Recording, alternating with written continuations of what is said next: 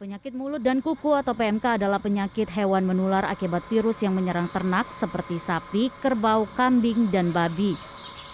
PMK menyebar cepat mengikuti arus transportasi daging dan ternak yang terinfeksi. Namun tidak perlu khawatir karena PMK hanya menular antar sesama hewan ternak, tidak pada manusia.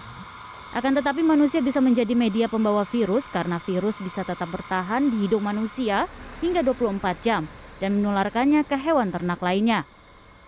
Dr. Siti Nadia Tarmizi, Direktur Pencegahan dan Pengendalian Penyakit Menular Kemenkes RI, menegaskan walaupun tidak menular kepada manusia, daging hewan ternak yang terkonfirmasi positif PMK sebaiknya tidak dikonsumsi masyarakat.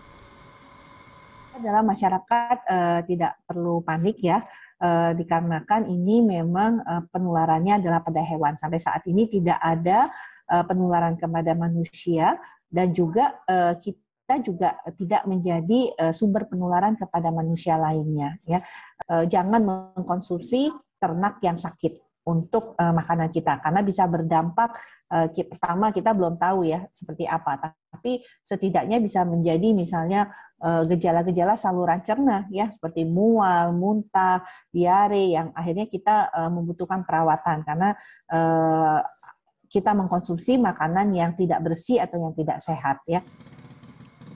Sementara itu, sebagai upaya pengendalian PMK agar tidak semakin menyebar, para peternak diminta segera melapor jika mendapati ternaknya memiliki ciri-ciri terinfeksi PMK, yaitu demam, keluar air liur terus-menerus dari mulut, luka seperti sariawan di bagian bibir, dan lidah dan luka di bagian kaki.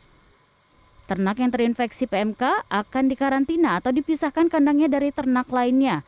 Kemudian kandang di seluruh peternakan disemprot disinfektan. Hewan ternak selanjutnya akan diberikan pengobatan hingga sembuh.